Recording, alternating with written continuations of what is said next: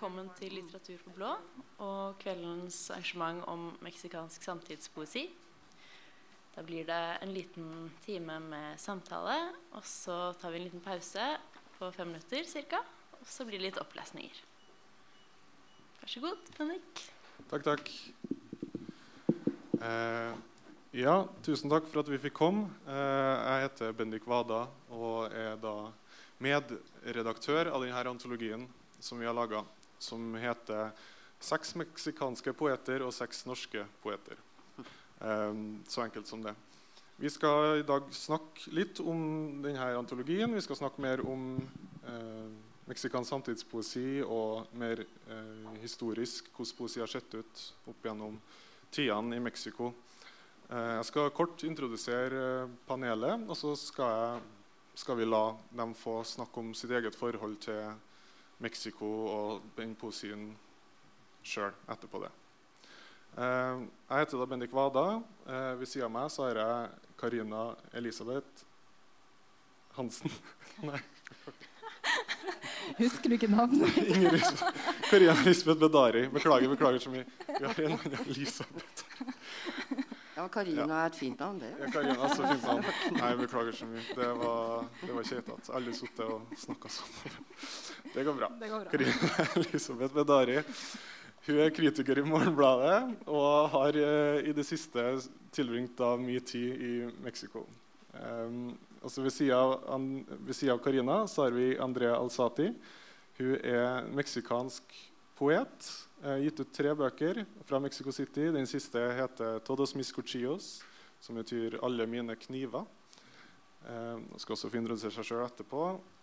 Og Ved siden av hun så har vi fått en spesiell gjest her i dag. Det er Inger Elisabeth Hansen.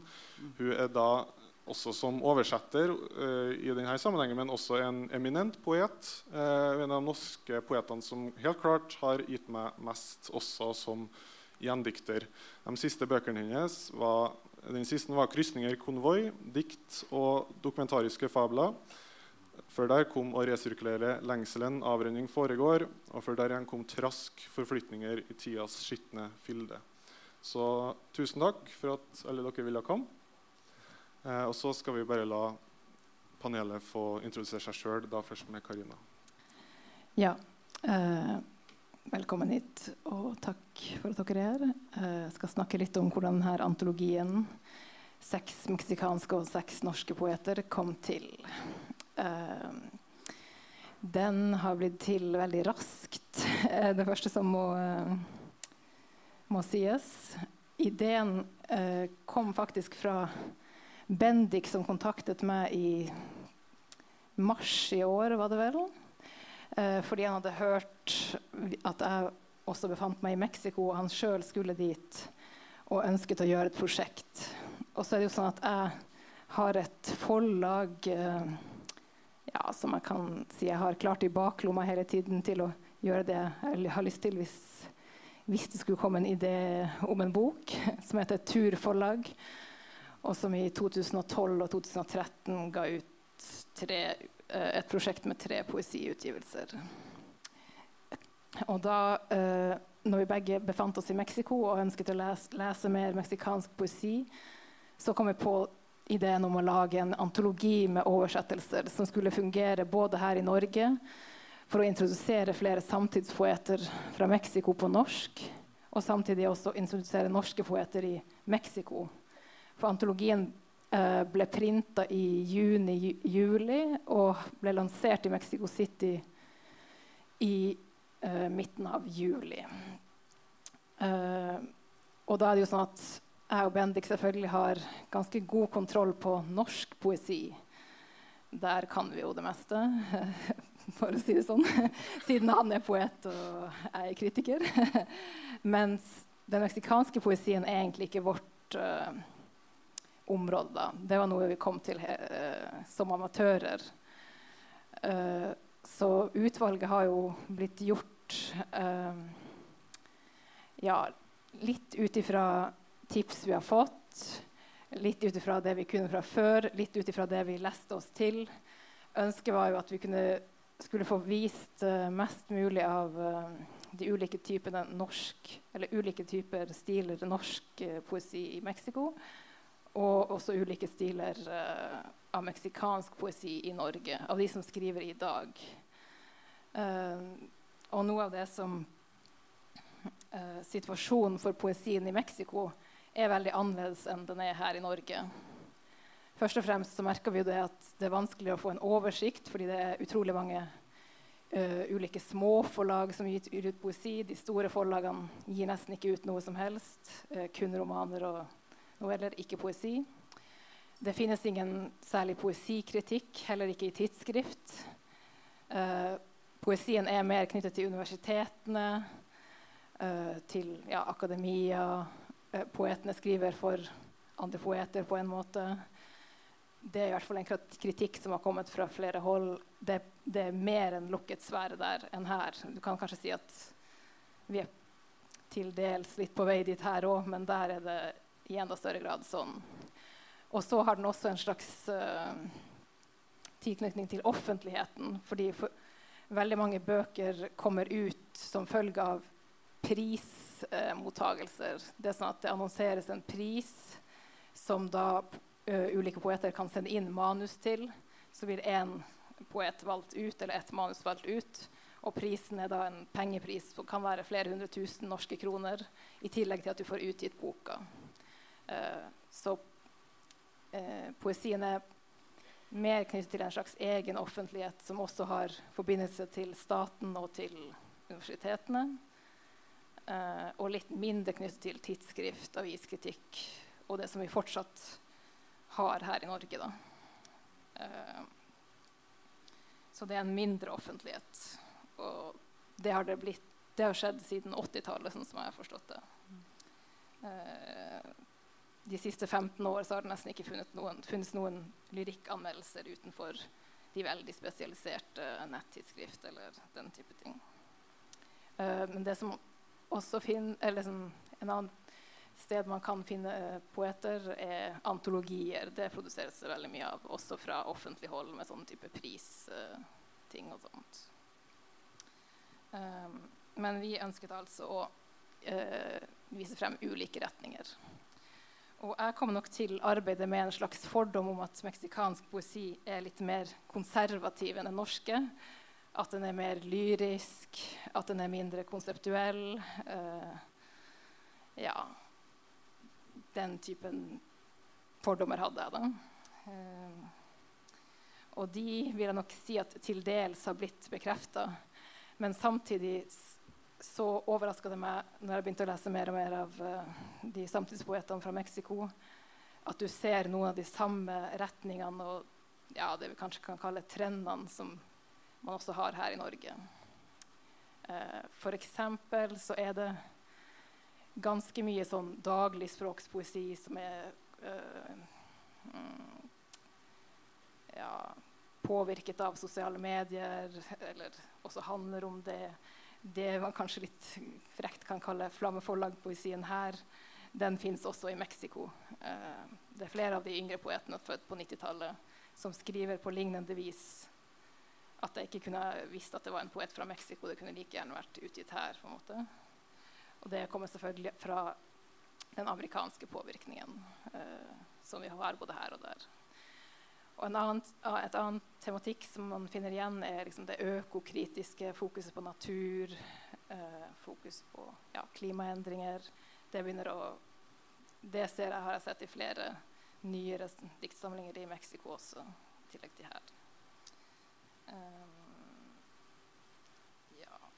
Og så kan man også uh, legger merke til at de poetene fremhever som sine idoler, eller sine forbilder Idoler er kanskje litt å ta hardt i, men uh, hvilken kanon de forholder seg til, da, den blir også mer og mer global. Mange av de som blir nevnt her i Norge, sånn som ja, La oss si Ann Carson, da, som har vært, blitt et stort navn her i Norge de siste fem år. Hun har også blitt et stort navn selvfølgelig i Mexico. Uh, veldig mye av den nordamerikanske litteraturen påvirker mye poesien i Mexico, og også her. Mm. Men utenom det så er det vanskelig å liksom, trekke frem akkurat uh, ja, På grunn av det kanskje også, så syns jeg det er vanskelig å si hva, hva Eller karakterisere den meksikanske samtidspoesien. eh, ja, det blir for generelt. Det er veldig mange ulike retninger på samme måte som her i Norge. Eh, og når vi valgte ut de seks poetene vi, vi endte på, så ble det jo handlet til slutt om vår eh, smak, rett og slett. De vi likte best av det vi leste. Og hvis vi skulle ha gjort det igjen, som jeg egentlig kunne tenkt meg å gjøre på en måte så denne antologien kom som sagt til på kanskje fire-fem måneder. Så det er nesten som et forarbeid til noe større. da. Uh, at det har åpna opp noen spørsmål, og det har åpna opp uh, et felt som, uh, ja, som interesserer meg, i hvert fall. Og kunne hatt hatt lyst til å lage en antologi med dobbelt så mange eller enda flere. Og da hadde det vært viktig å få med f.eks. Eh, en poet som skriver på et annet språk enn spansk. Mexico har jo 62 offisielle språk utenom spansk, som snakkes av ulike da, urbefolkningsgrupper. Eh, og flere, det finnes flere poeter som skriver på disse språkene òg, men det, det rakk ikke vi å sette oss inn i engang. Så ja, det fins liksom eh, ja, så mye annet å ta tak i der. Og så er det også uh, ja, en ny retning som har kommet til de siste årene. Feministisk, aktivistisk poesi. Eh, I enda større grad enn i Norge så har metoo og sånn slått ned i eh, litteraturmiljøet i Mexico de siste to årene. Eh, og det er et ganske sterkt miljø blant litterære feminister som leser hverandres ting, har seminarer, har skrivegrupper, utgir ting med en ganske klar politisk eller ideologisk agenda.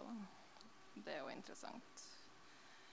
Uh, et annet ting som jeg har tenkt på i ettertid av å ha laget antologien, er at samtlige av de vi har valgt ut, skriver jo ganske europeisk. Og i motsetning til f.eks.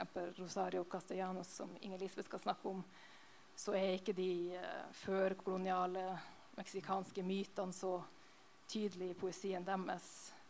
Uh, og hele det, um, den erfaringa av å være en koloni som er utrolig tydelig når man lever og bor i Mexico hver eneste dag, den er faktisk ikke like tydelig i poesien. Uh, så det er også et spørsmål som jeg er interessert i å finne mer ut av. da. Hvor er den erfaringa i den meksikanske samtidspoesien? Ja. Takk, Karina. Uh, Andrea, could you tell us a bit about yourself, please? Hi. Sorry that I have to speak in English, but I don't know Norwegian yet. Um, well, thank you for the invitation. And I'm gonna talk about a little about my um, my writing and my uh, work in general. Um, mm, just to give a little context, um, young Mexican poetry in Mexico is very different uh, than it is in Norway. In one particular thing, which is the way we choose to put the work out there. Mm. In Mexico, it's very common to have blogs and online magazines. Some of them last years, some of them weeks, some of them uh, months. But it's very common for people to begin projects like those and that's the way I I um, started publishing my work online.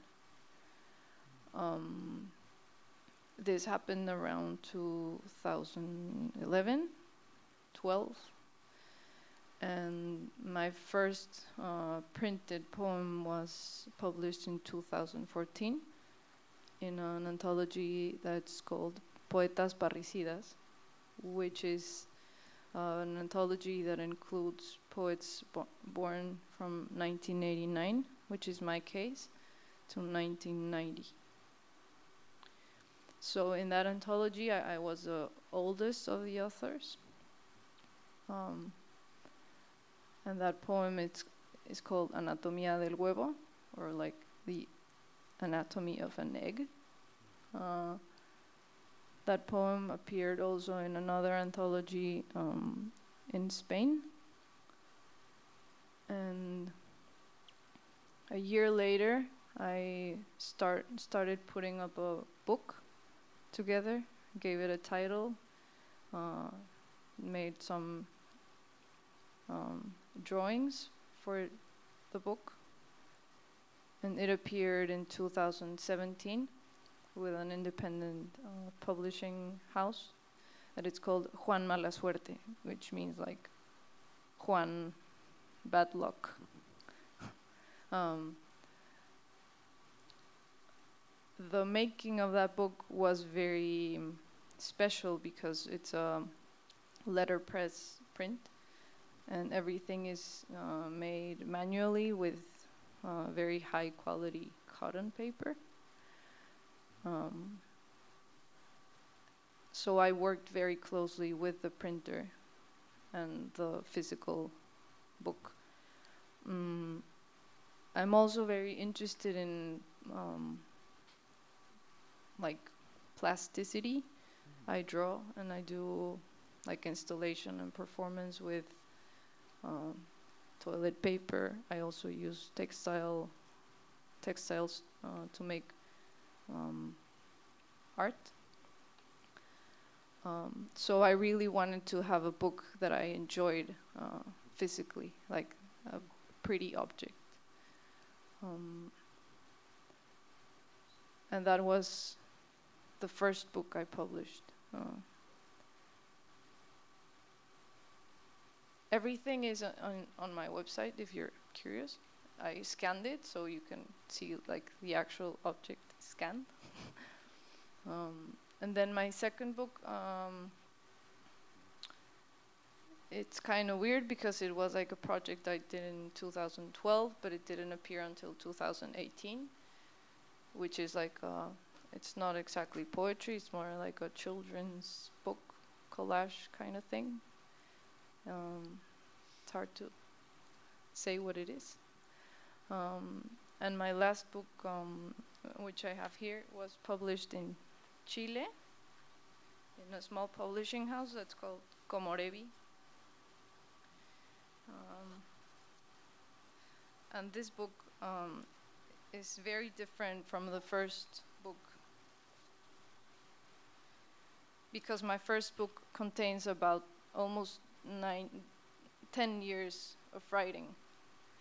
The oldest poem in Animal Doméstico is from 2009, and the and the most recent is from 2017. Um, and it and it took like two years to put together. And this book contains the first part is like a long poem that gives title to the book, Todos mis cuchillos, and the other half is just spare poems from 2017 to 2019 that it appeared. Um, but this book, as soon as I had written the, the first draft of the poem, I sent it out to publish, like in sort of like an, um, just like an impulse that I had to put it out there before I, um, it just felt right. Um, and as far as the, my other work as an artist, um, I draw. Um, and as I told you, I, I work also with uh, performance and video, photography, and all sorts of things that are uh, easy to access and cheap, and that you can find almost anywhere. Um, I don't see, I haven't had the chance to actually buy material for art. Generally, I just use what, what I find like around the house too, which is sort of what happens with the poems too. Mm.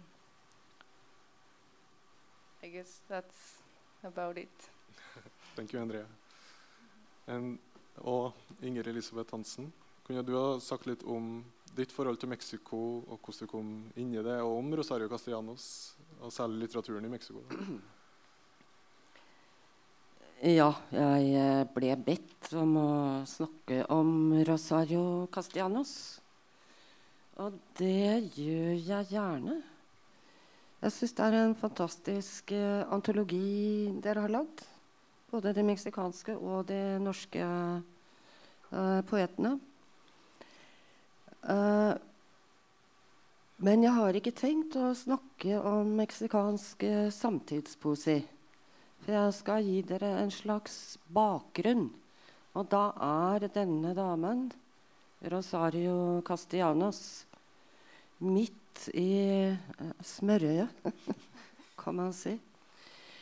Uh, hun uh, representerer på en måte alle de gamle brytningene som utgjør Mexicos veldig spesielle historie og som preger landet. Det er så synlig når man kommer dit. Men som du sa, Karine, er ganske borte fra mye av uh, ung meksikansk samtidspoesi. Eh, Rosario Castellanos ser veldig pen ut på dette bildet. Veldig ordentlig. Hun døde i 1974, og da var hun ambassadør i Tel Aviv og holdt på å lære seg hebraisk.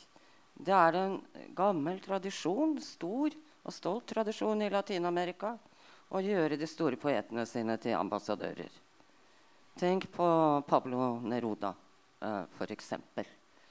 Og uh, Octavio Paz, som jo er den store meksikanske nobelprisvinneren i poesi og essaystikk.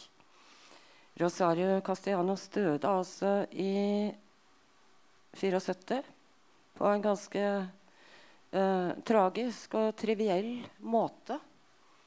Hun eh, var altså ambassadør i Tel Aviv, og så var eh, hushjelpen ute. Hun hadde vært i dusjen, måtte skifte en lyspære og var våt på henne. Så da Da var det slutt på Rosario Costianos. Men det er egentlig en død som er veldig typisk henne. Hun er veldig opptatt av å trivialisere seg selv og sitt eget liv. Hun kan man si hun har en slags selvforakt som kvinne. Samtidig så er hun et av de store ikonene for meksikansk feminisme også i dag. Hun begynte å skrive feministiske essays tidlig på 50-tallet.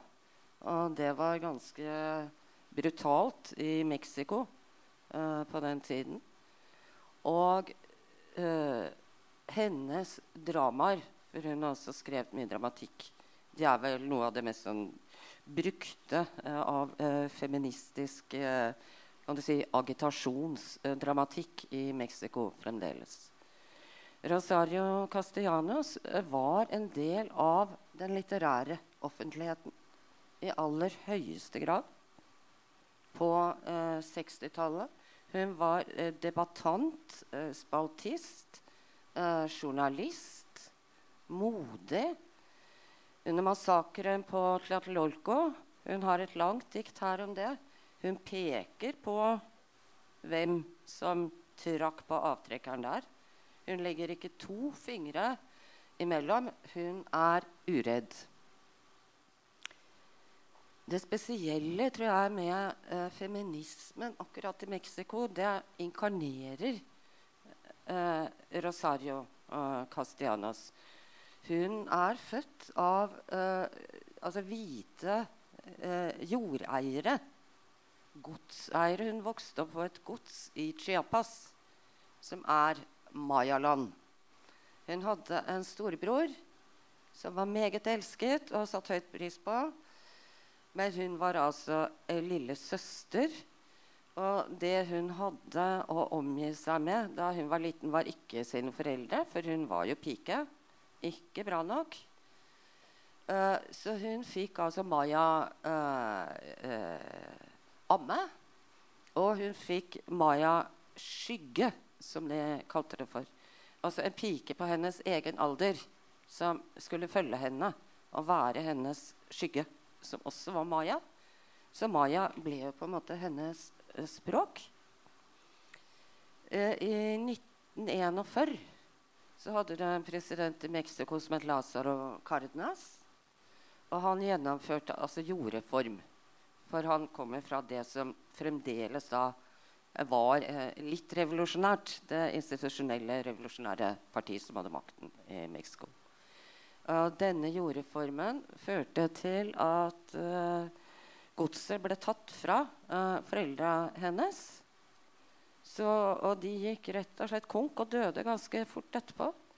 Så de flytta til Mexico, hvor hun da ble alene og begynte veldig fort på universitetet og begynte å skrive feministiske essays.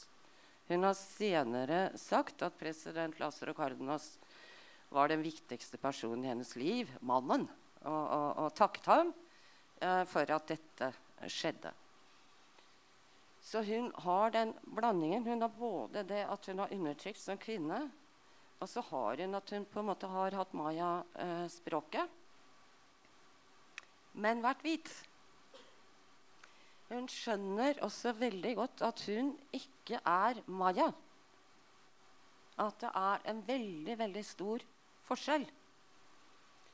Og hun har skrevet bøker om det, om, om mistolkingen, den derre feiltolkingen, at du skal forstå eh, den andre. Hun sier vel at man kan eh, eh, Hva skal du si Være et medmenneske med den andre, men å tro at du forstår Nei. Hun eh, reiste Hun lagde et dukketeater. Akkurat sånn som eh, ja, Garcia Lorca gjorde vel også det dukketeater og, og, og, reiste rundt blant mayaene for å alfabetisere dem og skrev lærebøker i maya. Så er det en annen ting, og det er kvinneforakten i Mexico og selvforakten i Mexico og beundringen for det utenlandske. Og eh, De har et eget ord for det, som Octavio Pass har vært veldig opptatt av. Uh, og det heter malinchismo. Og det er uh, Ja, jeg kan gi en forklaring. Hun, Rosario Castellanos, er veldig opptatt av det. Hun skriver dikt om la malinche. Octavio Pass har jo skrevet en veldig kjent essaybok som heter 'Labyrinto de la Soledad'. Og alle som er interessert i Mexico, tror jeg kan ha, ha faktisk veldig stor glede av å lese den. Han er en briljant Eh, essayist. Og der mener han at hele Mexicos eh, historie egentlig og, og, det som er det grusomme med Mexico, er at de bare gjentar på en måte den samme myten. De rekreerer. Altså de, de, de har ikke noe utvikling. De har stoppet i en sånn lukka sirkel av vold eh, som ble innledet med den spanske erobringen av Mexico i 1519. Og den erobringen uh, mener eh, Octavia Pass var en slags voldtekt. Så du har en veldig sånn, eh, skal jeg si, seksualisert voldshistorie i, i Mexico. Altså det er, det er voldelig land. Og han mener det, det kommer mye derfra. Og at Mexico på en måte er damen som ble voldtatt. Dvs. Si åpnet og det er den store storknulleren, liksom. El Gran Chingon. det er mannen, eh, machoen, og gjerne spanjolen, selvfølgelig, eller den hvite. Og så er det eh, La Rajada, altså hun som er blitt åpnet. Og det er damen og, og voldtekten. Historien er en voldtekt. Og det som gjorde det enda verre i Mexico, var at de hadde en kvinneskikkelse som heter La Malinche eh, som var en indiansk eh, eh adelsdame. Kom fra en indiansk eh, ja, adelsfamilie. eh. Men hun ble da altså Foreldrene de, de, de ble selvfølgelig knust av erobrerne. Og hun ble solgt uh, som slave til uh, spanske handelsmenn. Og det, dette var jo veldig tidlig. ikke sant? Det var jo altså på 1510-tallet eller et eller annet. Så det var de tidlige spanske handelsmennene som kom. Uh, men da Hernan Cortés, som var den som ledet altså de spanske erobrerne, og, og, faktisk helt opp til Mexico by og, og fikk eh, slått, drept eh, den aztekiske keiseren, Montezuma eh, Men hun Malinche, hun ble tolken hans. Hun tolka for ham. Hun hadde lært seg spansk av handelsmennene, og hun kunne jo altså, hvert fall noen av, av det viktigste indianske språket i området der, sannsynligvis lavatel. som var stekerne så er fremdeles et uh, levende språk i Mexico. Så hun tolket og oversatte, og man mente da at denne erobringen Spanjolene hadde aldri klart å gjøre det uten denne kvinnen, denne tolken. Og det viser altså at uh, La donna es mobile. Altså, du skal aldri stole på en kvinne. Kvinnen er forræderen. Og det er et av de mytiske mønstrene som du virkelig kan se. Og du kan kjenne igjen meksikanske sanger, drikkekultur, den gule pressen, altså volden. Og det har hun eh, tatt opp. Og det tror jeg også er litt borte fra, fra poesien i dag. Men det er veldig merkbart i det meksikanske samfunnet. Så jeg tror jeg stopper der. Tusen hjertelig takk. Uh, Andrea, now we heard a bit about the historical context of this country and this famous poet that Rosario Castellanos is, and she has been very important for a very long time. But you have been anthologized in uh, amongst like this. It's you're the youngest one here. Uh, you're born in 1989. The oldest born is born in 1972. But you've also been anthologized in anthologies that you said with people born in the 90s. So could you tell us a little bit about how does it look today? How does the poetry move between the generations? What what is going on in Mexico right now? Yes, well, I think um, as I told you, there has been a shift in what people, or authors at least, um, use in order to get their work out there. Um, of course, there's still um, a lot of interest in applying to this um, national uh, scholarship uh, program that we have. Uh, it's called FONCA, which is um, um, scholarship to work on a project during a year, and you get a, a certain amount of money uh, from the government uh, uh, monthly to work on, on a project, either uh, literature, architecture, design, sculpting, painting, whatever it is. Um, I got that in 2016 and 17, and it gave me sort of like an idea of um, how it used to be. Because I think, uh, at least from my generation, and after that, we have not all of us, but I think most of us are very skeptical to certain structures that were very uh, respected before. Like having like a big figure where to whom everyone is looking up to and setting as a leader of some sort. I think growing up with a lot of access to different authors and poetics, and in my case, to authors from all over, well, not all over, but at least uh, getting to know other um, poets from other parts of Latin America, uh, it really um, made us like think out of that box that was uh, cultural life in Mexico when Octavio Paz was like a huge deal. Um, so I see like there's like a new um, impulse of people to start making uh, stuff happen with their own resources. Very small publishing houses that, uh, of course, they struggle. Um, I, I guess none of them make um, um, earn money out of it until now, but but they're really interested in like really trying to do things differently. Um, and I guess my, my case in, in, in this thing of like being the youngest in one anthology and the oldest in another, it's, um, I mean, it's,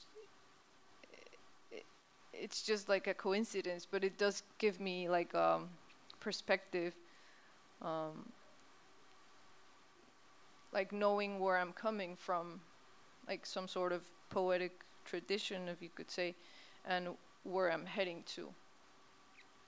Um, I have to mention that I studied in Iberoamericana, uh, la, um, la Universidad Iberoamericana, and they have um, very specific uh, interest in certain poetics that not necessarily are known by the rest um, of the country, you could say.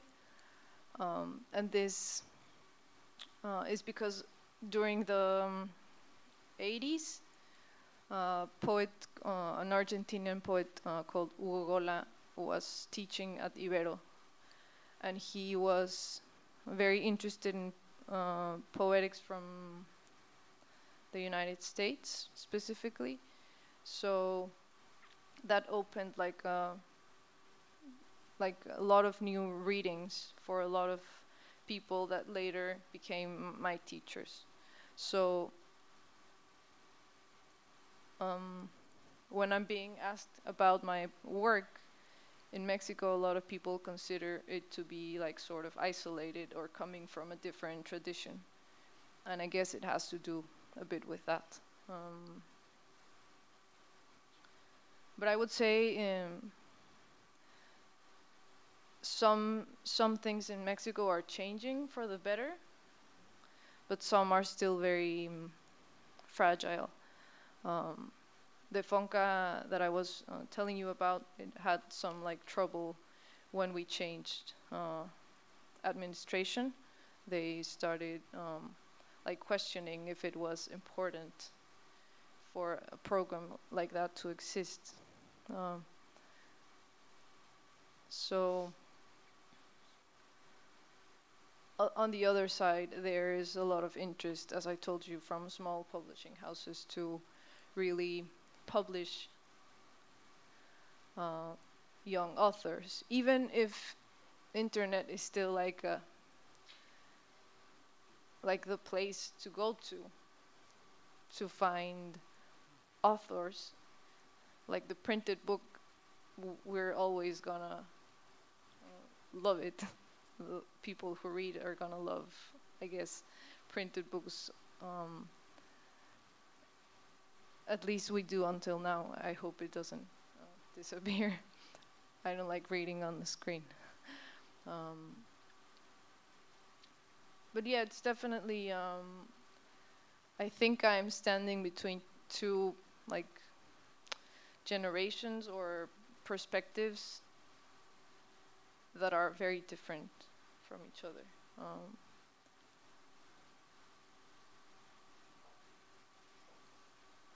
yeah, and and there are there are no much um, translations and poetry exchange going on inside. Like you don't get much.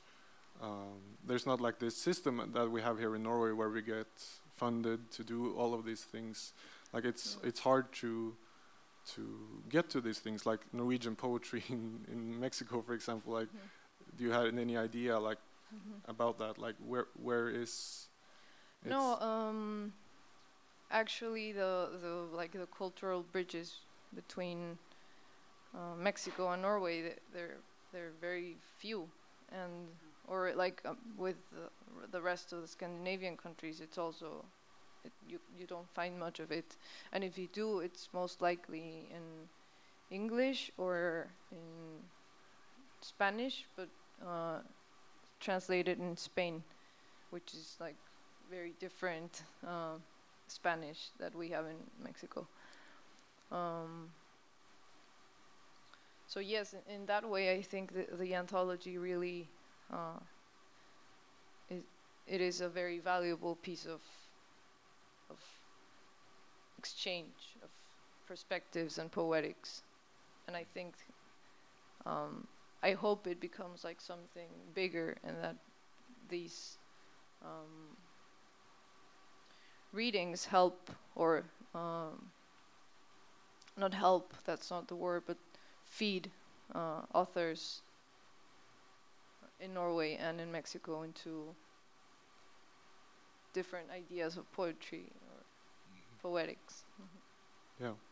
And how about you, Karina? Uh, you've been working as a critic. How has and you've been living in Mexico, also. Like, how does this change of you to be there and be a place where critique isn't something that's really defining what's going on? I mean, here in Norway, uh, critique is a large part, I would say, of the literary public. But how does it? How has it affected you as a critic to see poetry appearing in this sort of not marginalized way, but not these uh, big institutions at least? Um, well, first of all, I think I feel uh, really the need to do something more with all of the government funding we have here in Norway. Like, we can do anything. Uh, we can make books like these that we made. We can make magazines. Pretty, pretty much everything you want to do, you can get funding from the government. So, yeah, I feel thankful, of course, for for, for coming from Norway. But uh, what's been interesting for me reading Mexican poetry is, uh, in a way, it's fun because when I open up a new Norwegian poetry book, it's so much context. Like, uh, it's related to this, that, jing, jing, jing. My mind works like with everything, uh, all the context, all everything. But opening a Mexican poetry book, it's more open, like only the lines, because I don't really see the references, the context. I don't know everything, so it's like knowing poetry in a new way, or again, like being a younger reader in a way. Yeah, I guess also editing an anthology and translating is also a sort of critique, no? Like it's a way to enter the poetry and not just read it, but try to make it happen in the world. Uh, and you, Ingrid Elisabeth, you've also worked as a uh, as a translator for a long time. Uh, how important is, has that been for you, as a poet and as a creative person, to bring all these poets, like you've translated Cesar Vallejo, you've translated Rosario Castellanos, Juan Gelman, and many others. Like, how do you see translation as an important creative practice? Oh, it's uh, it's very important. Uh, I I think. Uh, I mean, uh, language is uh, always escaping, and it's uh, it's always dying. but when you translate, you have to kind of give a new birth to to to something. I, I, I think it's really and you also have to to listen the the musicality, how it differs from language to language, and how how one makes uh, images in one language different from in other languages. So uh, so and it's also the voice. I mean I. I think I, I worked with uh, uh, Cesar Vallejo's poems. I, I, I- I mean, I, I, I loved his, his voice and I, I was kind of almost haunted by him. And I read his English translator or his uh, American translator. he, he, he began having nightmares because Cesar Vallejo appeared in his house. I mean, a very, very strong voices, very strong uh, presences. And, and Rosario Castellanos, and, and she's so different, and, and her life, I mean, it's so, uh, it makes a deep impression. It's so human. Uh, I tried, uh, I mean, I, I try to uh, interpret. I don't call it translation. I try to uh, interpret uh, Lorca. I, like, I, I really love Lorca, but I, I, I couldn't do it. I find I found he would hypnotize me, do something to my brain. So, I mean, uh, Lorca would come. I would lose myself. And uh, I also tried uh, Jorge Luis uh, Borges, some of his early poetry, early poetry from the 20s, uh, avant-garde uh, and tangos. But I found that I couldn't, uh, uh, his personality escaped me. I, I, I couldn't do it. So, I mean, I, I, I find it's really, when you write poetry, it's also, I mean, very good to uh, translate or interpret. Yeah, I think it's very. yeah, I recommend it. Yeah, it's been a lot of fun to work with this, and to me too, as a poet, it's been very enriching. And we presented it without any sort of essay or try to create a context. It's pure text, it's pure poem, this thing. And I guess that's what we're here for. It's to present poetry. There's no better way to, yeah, to do poetry than actually read it and read it out loud too. So that's our plan to do that right now. Uh, read some of the. First, we're going to read uh, poetry of Castellanos, and also in the span in the original and the translations, and we'll read um, four poets from the anthology. We're going to read Andrea's work, and we're going to read um, Hugo Garcia Manriquez, Alejandro Albaran, and uh, the last one was Tania Favela. Yeah. Uh, but bef- before that, if there's any questions, uh, we would love to answer some.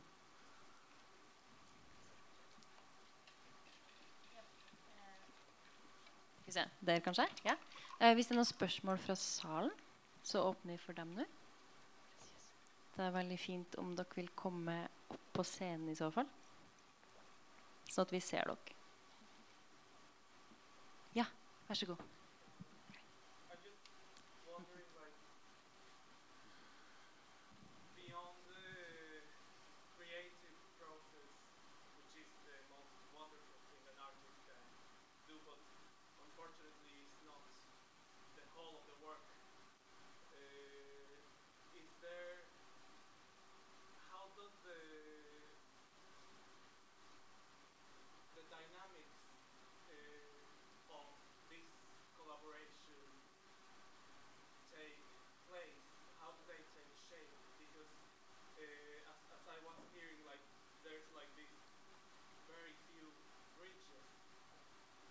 From one place to the other, and there's so many like obstacles or things that are have to be worked through or over. We have to be really creative to actually be able to create that stronger bond from one place to the other, and that I feel determines a lot of the atmosphere that these kind of collaborations, these kind of international collaborations are like based on.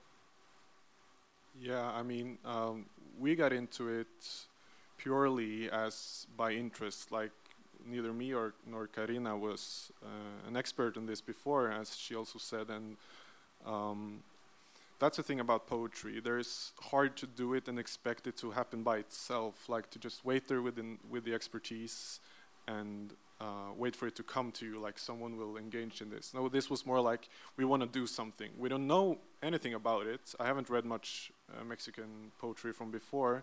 I got into it because I went to um, this school, that uh, Forfatterskolen i København, and uh, we visited on a study trip.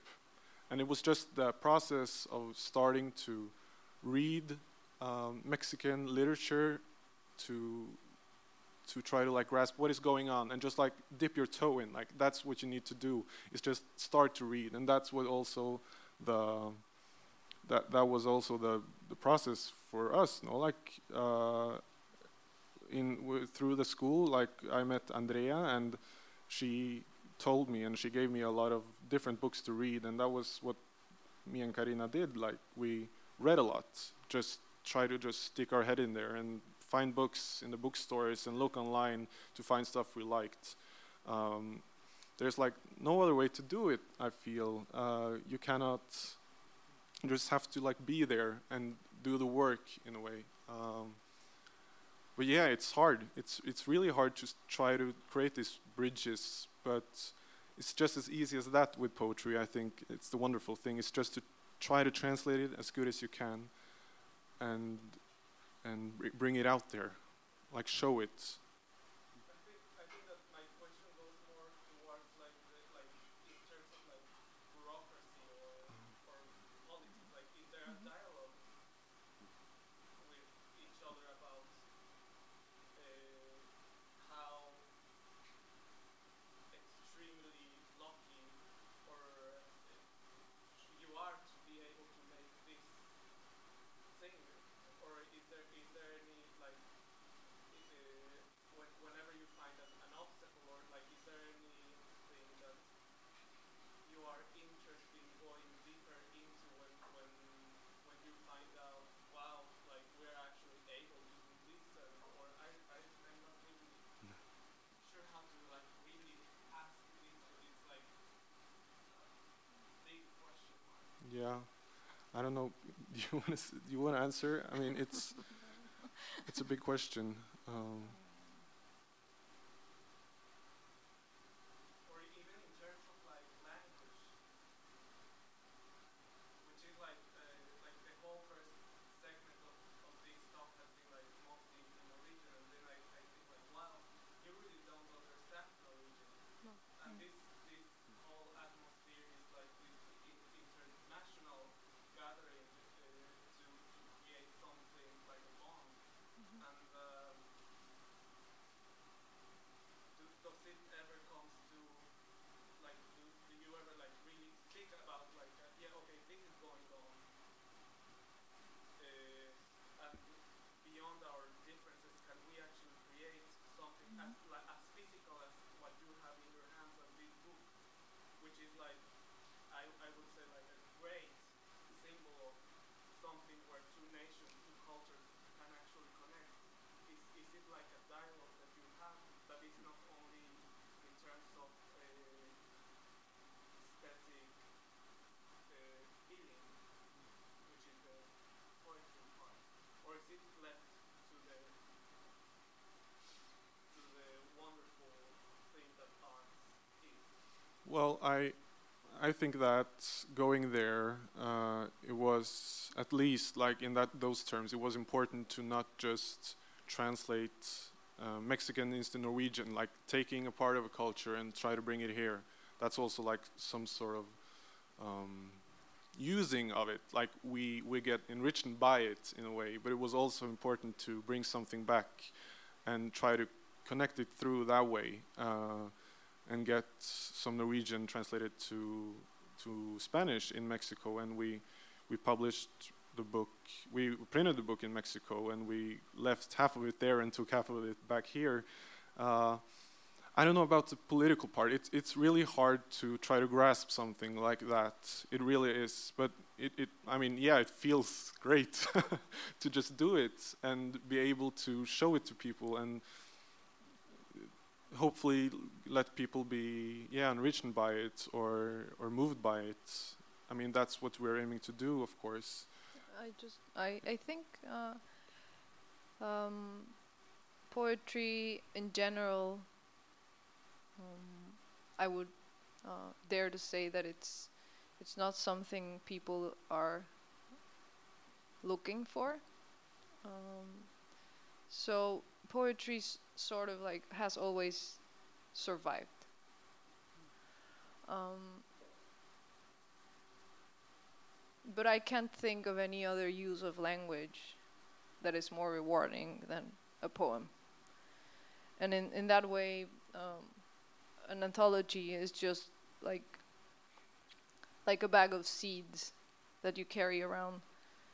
Uh, in the in the in the best of the worlds I can imagine, a poem will always bring or attract another poem, or even um, feed other poets, poems, poetics. Um, so having an object like this, which contains all those possibilities in two languages that are so far from each other, not only in the tradition that they come from, but also in how they the realities of the speakers of these two languages is radically different. Mexico is a is a country that has struggled with systematic violence in for many years. We come from a, a very different uh, history. So, in terms of the speakers of that specific language, I can't think of any. Uh, well, yeah, there's plenty, but like Mexico and Norway are it's just like one example of these two very different realities. And among these two very different realities, the poems are, are born. And then what happens? So I think any book, any poetry book, and translated poetry, it is always uh, a bridge. It is always a possibility. And I don't know, like, I, I guess. Mm, in my case, for example, I, I, I, I know about uh, artists from Europe or the States because, like, culturally we're always looking up to the European way or the American way. And I think the same happens the other way, but in like a bit more clumsy uh, way.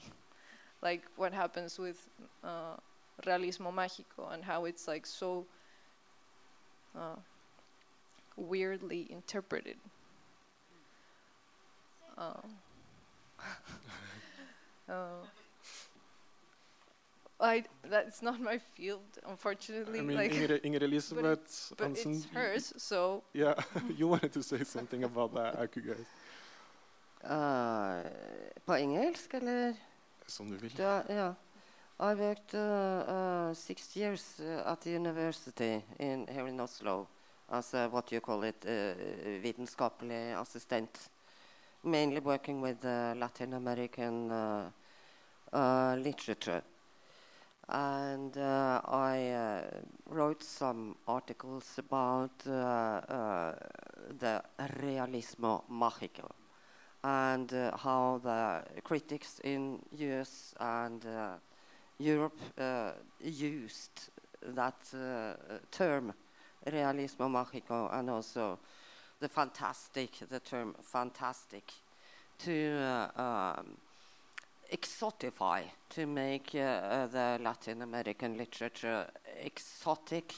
They drew all the political uh, content out of it.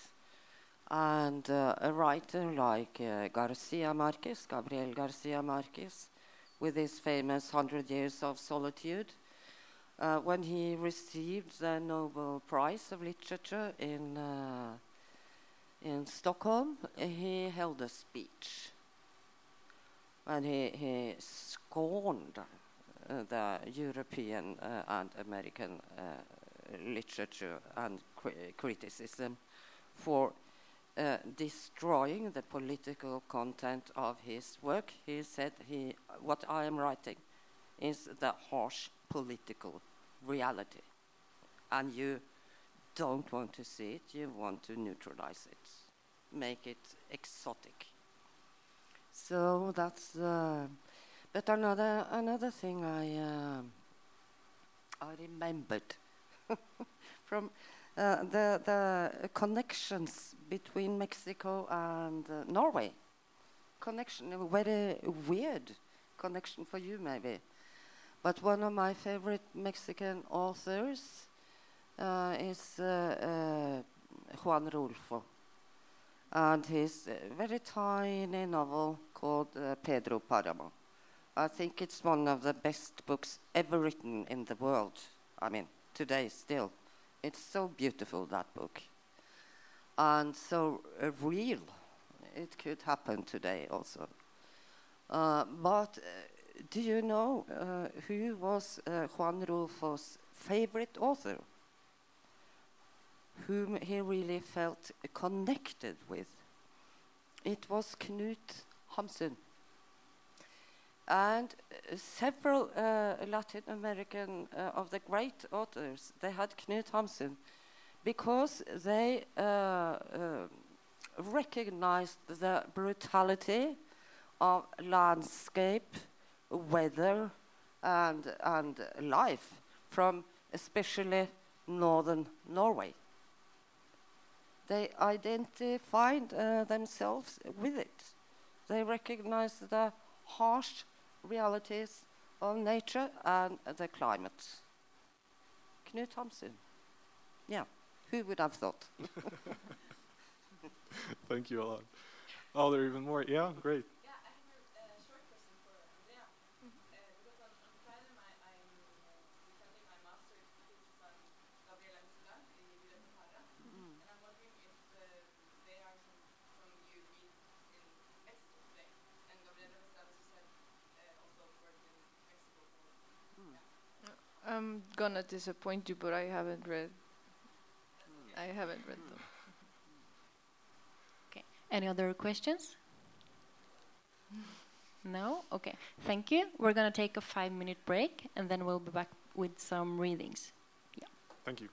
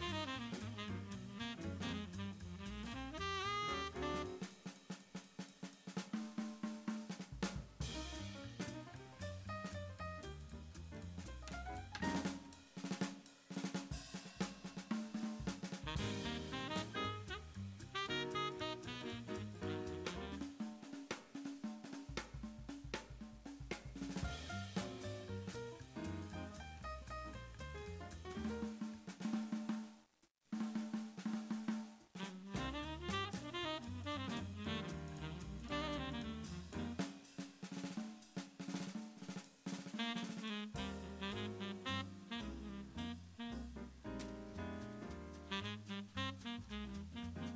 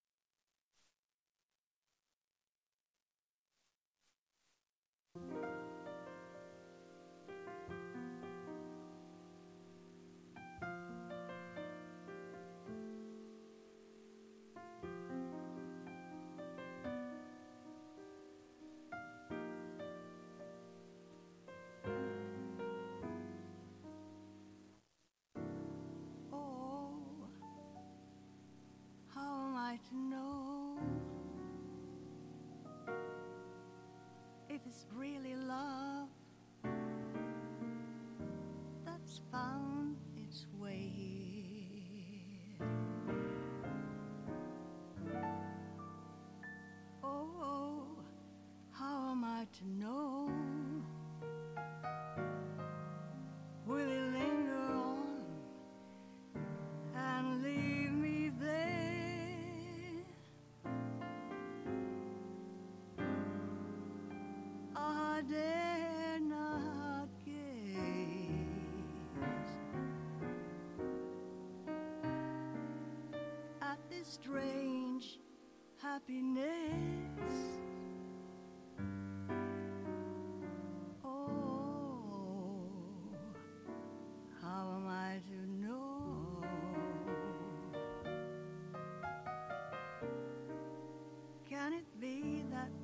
love has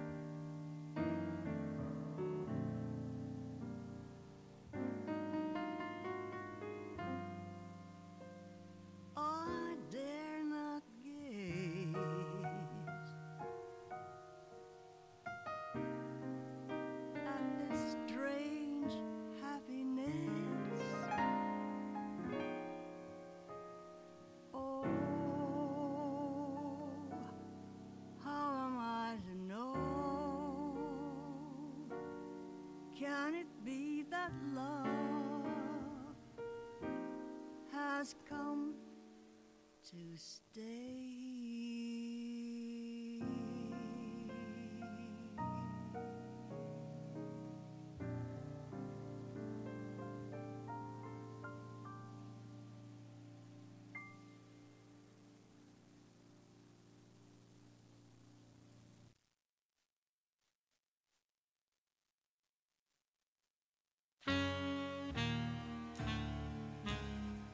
See danger facing you, little boy, don't get scared. When you see danger facing you, little boy, don't you get scared. When you see danger facing you, little fella, let me tell you what I wanted to do. I wanted to go right along. Go on, give a little, give a little, take a little till and don't be an old let me make the same mistake. Life is really funny every way. Gotta ha ha ha ha every day. Never be afraid. Now I know you never read, but remember what I said. Anyone so tender that I could easily surrender, but I'm oh, oh, oh so sorry for you, little fella. That is better off the end. So when your knees get a knocking or hole in your stocking, you better call your all. And if it's not around, better make a call on sweet Georgia Brown to find out where to fall when the sun goes down. Just in case you let her troubles beat you down. You should be a scatterbrain, singing in the rain, never feel a pain. Didn't mean a thing, just think of all the pleasures that'll bring. Understand, be your man, yes you can. If you want the Lord, just fear you don't let nothing wear you, dare you, share you, don't let nothing scare you.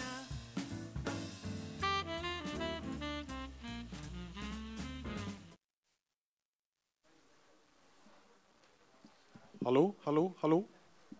Hallo. Da går vi i gang med opplesningene. Um, først ut Vi starter, vi starter tidligst, så vi starter med Rosario Castellanos. Da skal Andrea lese de spanske originalene, og så skal Inger Elisabeth Hansen lese oversettelsene sine. Så ta godt imot dem.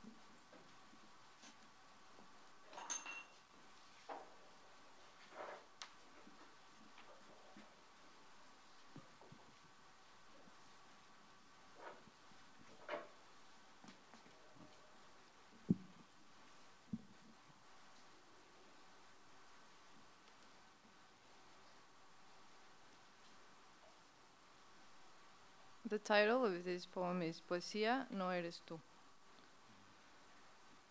Porque si tú existieras, tendría que existir yo también. Y eso es mentira. Nada hay más que nosotros, la pareja, los sexos conciliados en un hijo, las dos cabezas juntas, pero no contemplándose, para no convertir a nadie en un espejo, sino mirando frente a sí, hacia el otro el otro, mediador, juez, equilibrio entre opuestos, testigo, nudo en el que se anuda lo que se había roto. El otro, la mudez que pide voz al que tiene la voz y reclama el oído del que escucha. El otro, con el otro, la humanidad, el diálogo, la poesía comienzan. Poesi er. Jeg vil bare si et par ting først. Rosario Castellanos er antiromantisk. Kvinnen er ikke poesi for henne. En annen ting er begrepet 'den andre'. Den andre, mayaene, urbefolkningen, dem man kanskje ikke forstår. Poesi er ikke du.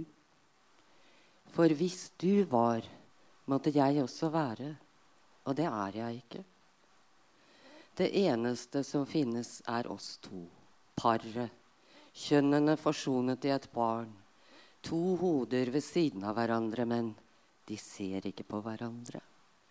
For ikke å gjøre noen av dem til speil. De ser rett fram mot den andre Den andre formidleren, dommeren, balansen mellom motsetningene. Vitnet, knuten som knyter sammen det som brast. Den andre stumheten som ber om stemme fra den som har en stemme, og som krever å bli hørt av den som hører. Den andre.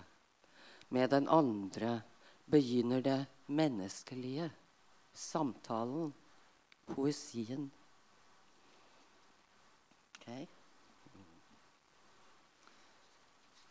Se habla de Gabriel. Como todos los huéspedes, mi hijo me estorbaba ocupando un lugar que era mi lugar, existiendo a deshora, haciéndome partir en dos cada bocado. Fea, enferma, aburrida, lo sentía crecer a mis expensas, robarle su color a mi sangre, añadir un peso y un volumen clandestinos a mi modo de estar sobre la tierra. Su cuerpo me pidió nacer, cederle el paso, darle un sitio en el mundo, la provisión de tiempo necesaria a su historia. Consentí. Y por la herida en que partió, por esa hemorragia de su desprendimiento, se fue también lo último que tuve de soledad, de yo mirando tras de un vidrio. Quedé abierta, ofrecida a las visitaciones, al viento, a la presencia. Gabriel er eh, sønnen hennes. Når det gjelder Gabriel Sønnen min forstyrret meg, slik alle gjester gjør. Han tok en plass som var min plass. Han eksisterte ubeleilig og fikk meg til å dele hver eneste munnfull i to. Stygg, kvalm, lei, følte ham vokse på min bekostning stjele fargen fra blodet mitt, legge en skjult vekt og et skjult volum til min måte å være til stede på i verden. Kroppen hans ba meg føde ham, slippe ham forbi, gi ham en plass på jorda, den rasjonen tid hans historie trengte. Og jeg ga etter. Og gjennom såret som fødte ham, gjennom blødningen som rev han løs, forsvant også det siste jeg eide av ensomhet. Av jeg som betrakter bak lukkede ruter. Jeg ble stående åpen, budt fram for besøkelser, for verden, for nærværet. Takk.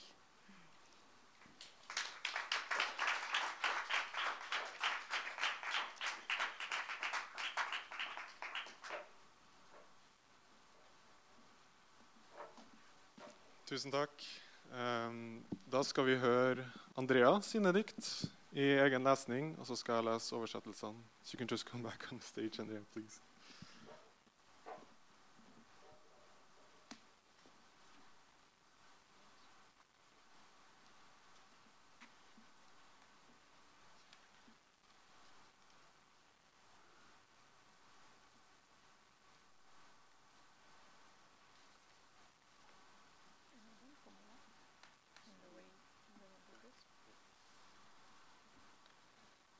No hay un río.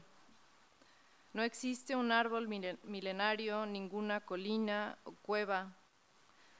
No hay kilómetros de valles verdes ni nubes barriendo la tierra. No hay una flor desquiciadamente roja en medio de la tierra negra, no hay. Está solo el cuerpo, huesos aún enteros por encima del suelo, músculos todavía blandos y la lengua. No hay un río, no existe limo, aquí no podría arrodillarme en el limo, mirar lejos y pensar cualquier cosa, porque aquí no hay lejos. Están muy cerca las sábanas de algodón blanco, las camisetas de algodón de cualquier color están muy cerca y las líneas que marcan en el cuerpo.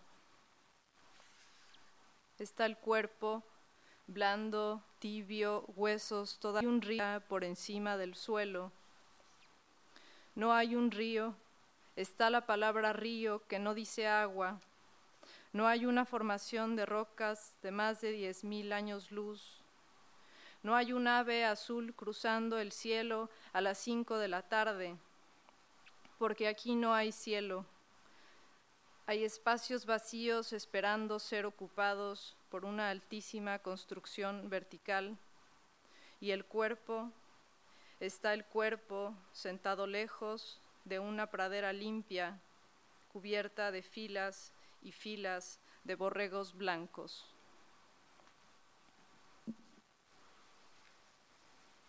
Det fins ingen elv. Det ingen ingen koller eller huler. Det fins ikke milevis med grønne daler eller skyer som feier jorda. Det finnes ingen svimlende rød blomst midt i den svarte jorda. Det finnes ingen, bare kroppen finnes. Hele knokla fremdeles over bakken, fortsatt myke muskler og språket. Det finnes ingen elv. Gjørme eksisterer ikke. Her kan jeg ikke knele i gjørma.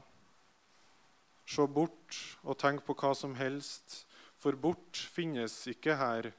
Så nær er lakenene i hvit bomull, bomullsskjortene i en hvilken som helst farge er så nær, og linjene som merker kroppen. Kroppen er myk, lunken, fortsatt bein over bakken. Det finnes ingen elv. Det er ordet elv, som ikke sier vann. Det finnes ingen steinformasjon mer enn 10 000 lysår. Det finnes ingen blå fugl som krysser himmelen klokka fem på ettermiddagen. Fordi her finnes ingen himmel. Det finnes tomme rom som håper de blir fylt av en tårne vertikal konstruksjon. Og kroppen er kroppen som sitter bort fra en urørt eng fylt med rekke på rekke av hvite sauer. Memoria. La memoria es un animal silencioso, fuera del cuerpo, desproporcional al cuerpo, vive y se alimenta de nosotros. Gestos de reliquia, gestos de animal en cautiverio, animal en peligro de no extinguirse nunca. La memoria no duerme, no sueña, no descansa. La memoria es un animal omnipotente, omnipresente, superpoderoso, super selectivo. La memoria es un animal inmenso, un animal doméstico inmenso, un animal doméstico, pero no mascota. La memoria no es una mascota, la memoria es un animal salvaje. Minne. Minne er et lydløst dyr. Utafor kroppen, disproporsjonal til kroppen. Det lever og nærer av oss. Gester fra relikvier, gester fra dyr i fangenskap, dyr i fare, for at minnet aldri dør ut. Søv ikke, drømmer ikke, hviler ikke. Minnet er et allmektig, allestedsnærværende dyr. Supermektig, superselektivt. Minnet er et enormt dyr, et enormt husdyr. Et husdyr, men ikke et kjæledyr. Minnet er ikke et kjæledyr. Minnet er et vilt dyr.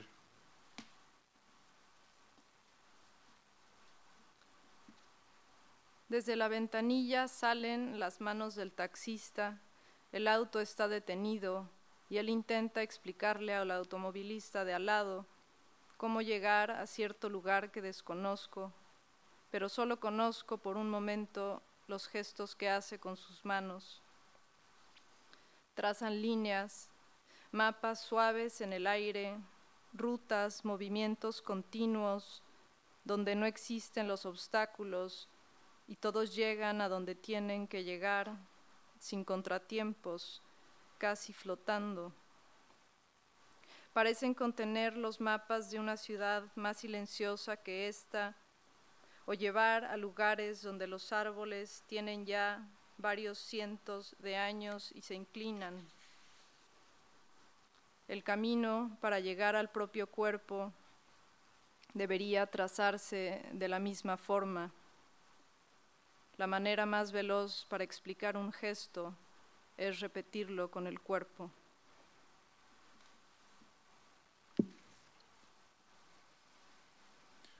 Ut av vinduet kommer hendene til taxisjåføren. Bilen har stansa, og han prøver å forklare bilisten ved siden av veien til et gitt sted jeg ikke kjenner til. Men i et øyeblikk ser jeg bare gestene han gjør med hendene sine. De trekker opp linjer, mjuke kart i lufta, veier kontinuerlige bevegelser hvor hindringer ikke eksisterer, og alle kommer fram dit de må komme fram, uten motgang, nesten flytende. Det ser ut som de inneholder kart over en by som er roligere enn denne, eller ankomme steder hvor trærne allerede, er flere hundre år gamle og skjener. Veien for å komme fram til sjølve kroppen bør trekkes opp på samme måte. Den kjappeste måten å forklare en gest på er å gjenta den med kroppen. Thank you, Andrea.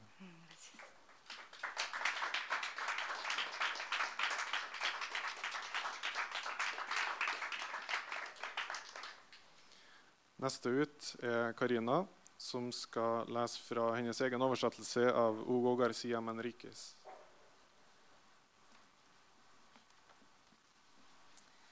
Takk. Eh, Det er noen forkortelser i de diktene jeg skal lese. Sedena, det det tilsvarende Mexico, eller det Forsvarsdepartementet i Mexico. SSP, Justisdepartementet. SAT, Finansdepartementet. Et dikt er dels dokumentarisk, dels et helvete. Men først og fremst noe som berører våre private liv. Budsjettet til Sedena i favør av abstraksjon, i favør av form, i favør av frihet. 2007 32 milliarder 200 millioner 896 500 pesos. 2008 34 milliarder 861 millioner 5900 pesos. 2009 43 milliarder 623 millioner 321 860 pesos. 2010 43 milliarder 632 millioner 410 311 pesos. 2011 50 milliarder 39 millioner 456 571 pesos. 2012 55 milliarder 610 millioner 589 782 pesos. Når diktet intonerer sider ved all og enhver, samlet, skilt, intonerer det egentlig 45 varebiler utstyrt med røntgenstråle for SSP. Intonerer det egentlig 23 ionskannere for Sedena, 155 CT30 deteksjonssett. Diktet intonerer ubemannede fly, MI-17-helikoptre, så vel som pansrede kjøretøy, motorsykler, kommandostasjoner og amfibiske kjøretøy brukt i offentlige sikkerhetsoppgaver. Diktet intonerer 173 hunder, oppsendt for SAT, PGR og SSP. Ingen steder leser du 'Verden som produserte meg'. Ingenting om de 173 hundene. Når vi leser litteratur, leser vi budsjettet til den meksikanske hæren.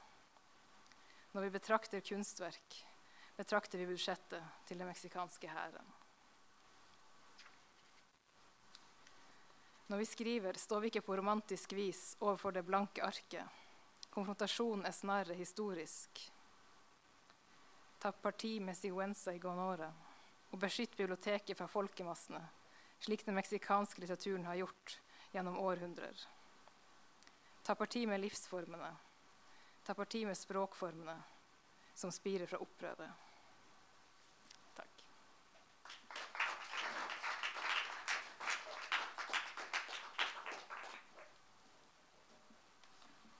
Og helt til slutt så skal jeg lese min oversettelse av et dikt av Alejandro Albarán Polenco, som heter 'Fortvilelsen til den ventende'. Ei grønn pære, ikke så grønn, heller bleik, en grønn før det grønne, ei pære som løsner og faller, ennå ikke moden, en usikker frukt, en frukt som ennå ikke skjønner å rømme fra kvisten, gnisten som ennå ikke brenner og minner om en gnist eller dråpe av dugg med en dusj stemt opp i buken, en stråle som slås av før tida, ei pære som ikke venter på det genuint grønne, det grønne hører det genuine som om det var det hele. Ei pære kastes som et spyd, eller skåla som overvinner balansen på vekta. Bare det her. Ei pære som ikke er pære. Et spyd. Det her som du kaller min ubalanse, ei grønn pære før det grønne. Ei pære som hives, lidelsen for tvilelsen. En bønn som ikke modner, grønnsaken som ikke evner å stille det sanne og skje stien eller sannheten. Noe på forskudd, et utbrudd i fallet til pæra som ikke beherska seg sjøl. Lyden av å være i fall mellom greinene uten å vite hvordan man faller. Det her som du kaller umodenheten min, er noe som ikke fins. Det er ei pære som ikke er pære, og som kastes. Det her som du kaller umodenheten min, er ei pære som ikke er pære, er en sjakkhest, er en albinohest som ennå ikke kan stave med Ella sin vei. Umodenheten min er veien under dekk, en kjappere vei vekk som snur på en flekk i et hjørne. Den er ikke en pigg, men den stikker som et spyd som ikke venter, som ei pære som ikke er pære, og faller. Tusen hjertelig takk for at dere kom. Eh, det var fint å høre dette her nå. Eh, vi har noen eksemplar til salgs her eh, på sida her etterpå, så hvis det er noen som er interessert, så kan dere kjøpe det med VIPS. Ellers så vil jeg bare si tusen hjertelig takk til Karina, Andrea og Ingrid Elisabeth for at dere kom. Og takk til alle dere også. Tusen takk.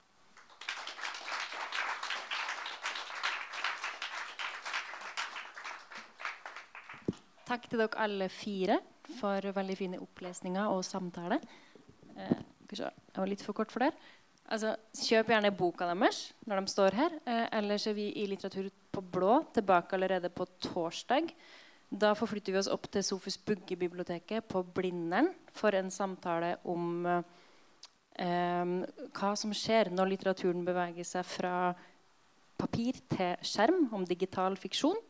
Så er vi tilbake igjen på blå tirsdag neste uke. Og da handler det om superhelter og hvem vi egentlig leser om når vi leser om superhelter i tegneserier. Tusen takk.